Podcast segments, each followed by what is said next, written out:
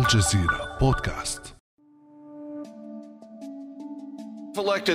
إن تم انتخابك سيناتور ساندرز ستكون أول رئيس يهودي لأمريكا. قمت مؤخرا بوصف مؤتمر لوبي إسرائيلي بارز بأنه منصة للتعصب. ماذا تقول لليهود الأمريكيين الذين قد يشعرون بالقلق من أنك لست داعما بما يكفي لإسرائيل؟ I am very proud of being Jewish. أنا فخور بكوني يهوديا. لقد عشت في إسرائيل عدة أشهر. لكنني أعتقد أن ما يحدث في الوقت الحالي في إسرائيل مؤسف ومأساوي بسبب بيبي نتنياهو. ومع إيماني بأن سياستنا الخارجية في الشرق الأوسط يجب أن تتمحور حول حماية استقلال إسرائيل وأمنها إلا أن تجاهل معاناة الشعب الفلسطيني غير ممكن.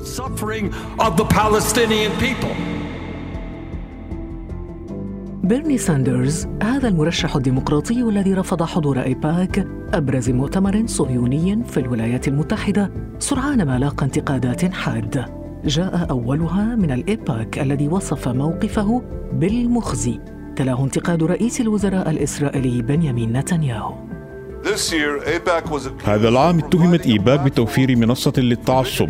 إنها اتهامات مشينة تبعث على الغضب في الوقت الذي يتبارى فيه مرشحو الرئاسة لتأكيد دعمهم لإسرائيل يرفض اليهودي بيرني ساندرز حضور مؤتمر أبرز جماعة ضغط صهيونية في الولايات المتحدة حتى أصبح ساندرز يواجه انتقادات الديمقراطيين أنفسهم مثل مايكل بلومبرغ.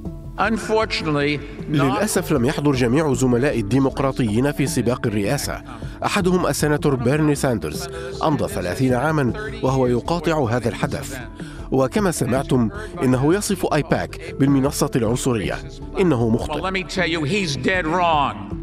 فمن هو بيرني ساندرز الذي كان محور مؤتمر إيباك رغم غيابه؟ وما سر مواقفه؟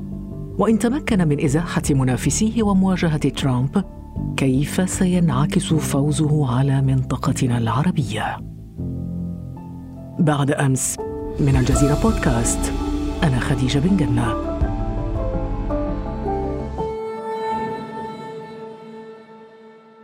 ونرحب للمرة الثانية في بعد أمس بالدكتور عدنان هياجنة أستاذ العلاقات الدولية في جامعة قطر. شكرا أستاذة خديجة. دكتور عدنان إذا ثمانية أشهر تقريبا تفصلنا عن الانتخابات العامة الأمريكية بين ترامب ومنافسه من الحزب الديمقراطي ويبدو أن بيرني ساندرز سيكون من المرشحين ذوي الحظ في الفوز. ما الذي يجب أن نعرفه إذا عن بيرني ساندرز برأيك؟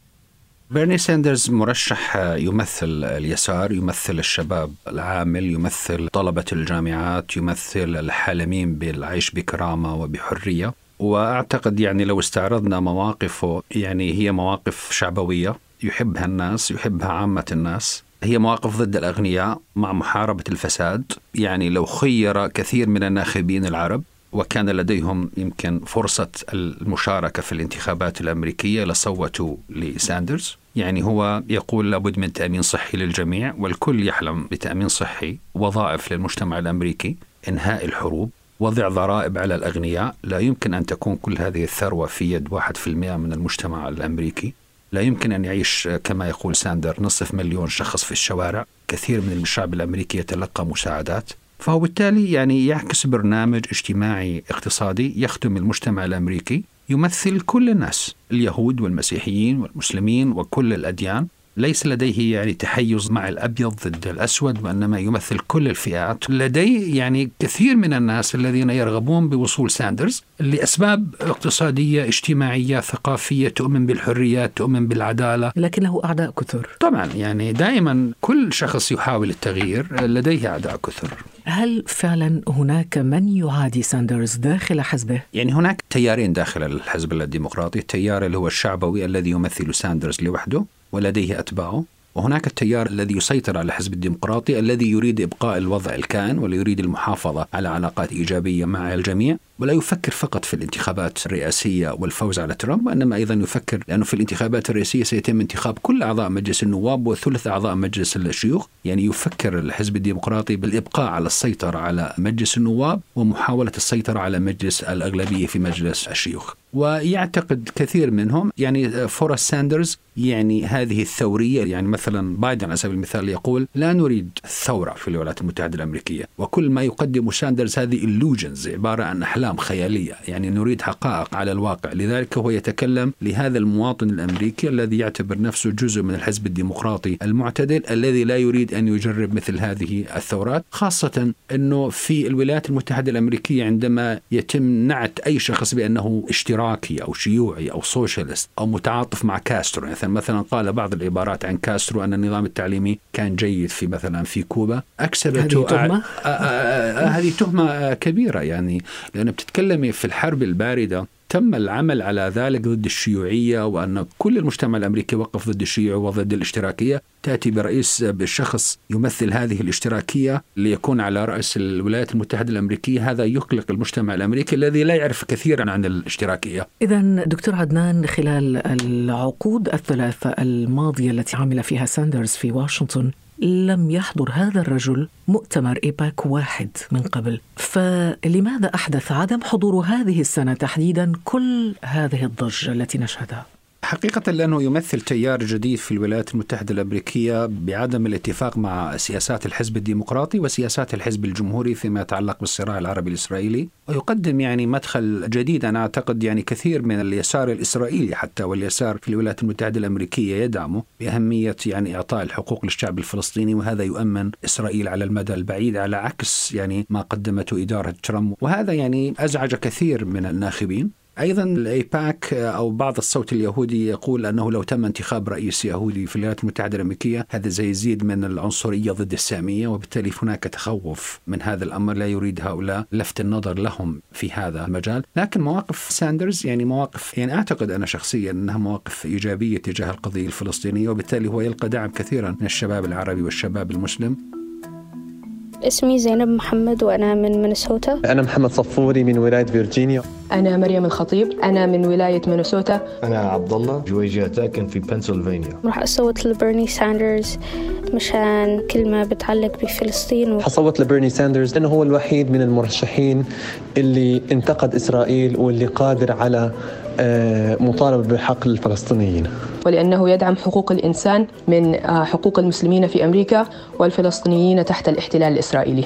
أنا رح صوت مشان بيرني لأنه عنده آه، اعتبار الإنسانية واعتبار الآخرين. مشان هيك أنا بيعجبني بيرني. الصوت العربي على قلته يعني ليس كبيرا جدا ولكن منطقيا سيذهب إلى ساندرز. عددهم أيضا يعني عدد قليل أيضا يمكن يماثل عدد الناخبين اليهود. وهذا يعني لا يؤثر بشكل كبير في نتائج الانتخابات إلا في بعض الولايات.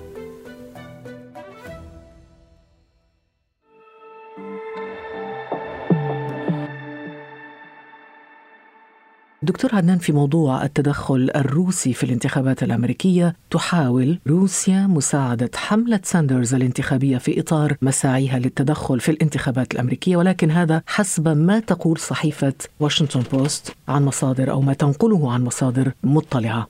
I think the bottom line is the message from Mueller أعتقد أن الخلاصة هي رسالة مولر تدخل الروس في حملة عام 2016 ما زالوا يتدخلون وعلينا أن نوقف ذلك. مهما تكن وجهة النظر السياسية علينا أن نتأكد أن الانتخابات في الولايات المتحدة يتحكم بها الشعب الأمريكي وليس أي جهة أخرى.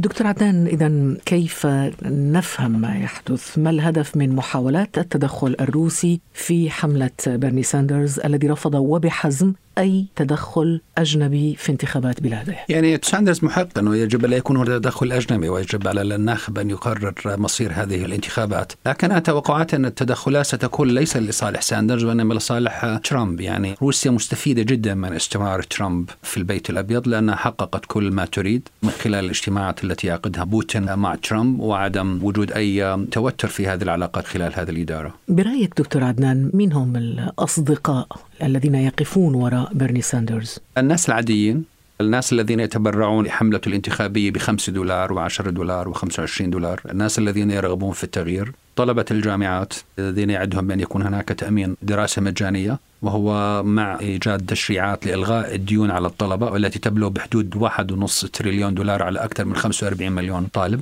الحالمين بالحياة في أمريكا اللاتينوز الذين جاءوا من الدول المجاورة الذي يحاول ترامب منحهم لديه أنصار من كل الجنسيات لديه الأنصار من المسلمين ذهب إلى المسلمين في مساجدهم وتحدث معهم. ليس لديه مشكلة مع الطبقة العاملة. لديه يعني دعم كبير على مستوى ال grassroots على المستوى الشعبي في الولايات المتحدة الأمريكية. دكتور نعود معا وبالمستمعين في الزمن إلى نتائج الثلاثاء الكبير عام 2016 يحتشد الديمقراطيون الآن خلف هيلاري كلينتون بعد أن اكتسحت نتائج الثلاثاء الكبير بفوزها في سبع ولايات ما قد يعني بداية النهاية لحملة بيرني ساندرز.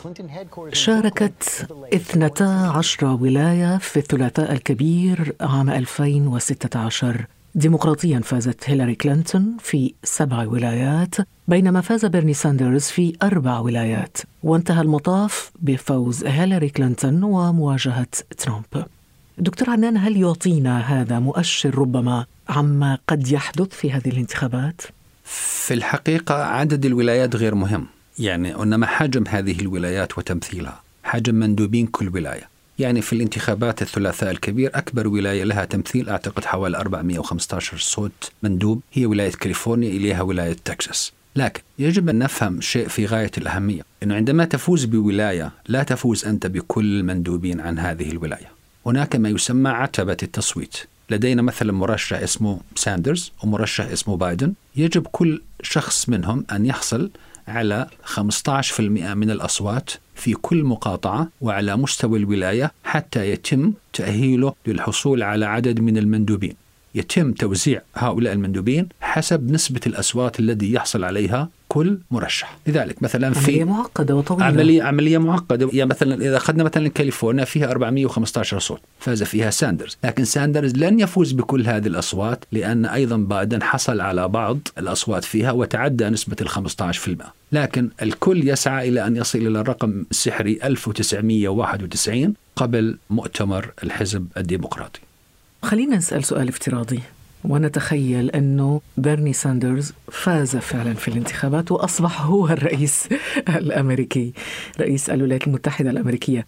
هل تعتقد دكتور عدنان أننا سنشهد تغيرا واضحا كبيرا في السياسة الأمريكية تحديدا السياسة الخارجية هذا ما يهمنا؟ وقصدك في الشرق الأوسط. والشرق آه الأوسط تحديدا نعم. يعني هذه ستكون يعني أخبار جيدة للشعوب العربية في المنطقة لأنه شخص يؤمن بتكافؤ الفرص ويؤمن بالعدالة الاجتماعية ويؤمن باهميه توفير واحترام كرامة الناس ويؤمن بالديمقراطية بال civil rights بالحقوق الليبرالية للناس وبالتالي يعني سيكون هناك حالة من الابتهاج في الشارع العربي. طبعا الأنظمة العربية لن تكون بالنسبة لها هذه أخبار مفرحة لأنها يعني تحاول أن تؤيد شخص مثل ترامب يعني يؤمن بالسيادة داخل الدول ويؤمن بالقمع ويؤمن بأن الدولة لها الحرية أن تقوم بما تقوم فيه من أجل المحافظة على سيادتها. وقد يكون يعني نوع من الأحلام بالنسبة للعالم العربي أن يأتي يوم من الأيام يعني نرى كل هذه المثل التي تنادي به الولايات المتحدة الأمريكية من الليبرالية وحقوق الإنسان التي قام عليها الدستور الأمريكي جزء من سياستها الخارجية في التعامل مع قضايانا. ويعني هذه المجتمعات العربية المتأخرة في ركب الديمقراطية والحريات عن كل العالم.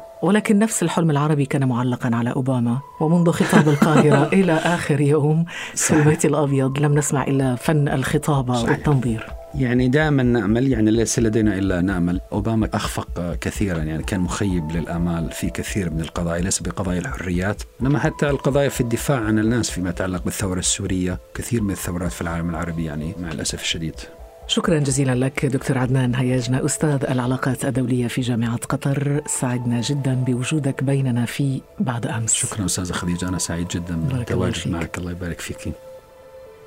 كان هذا بعد أمس.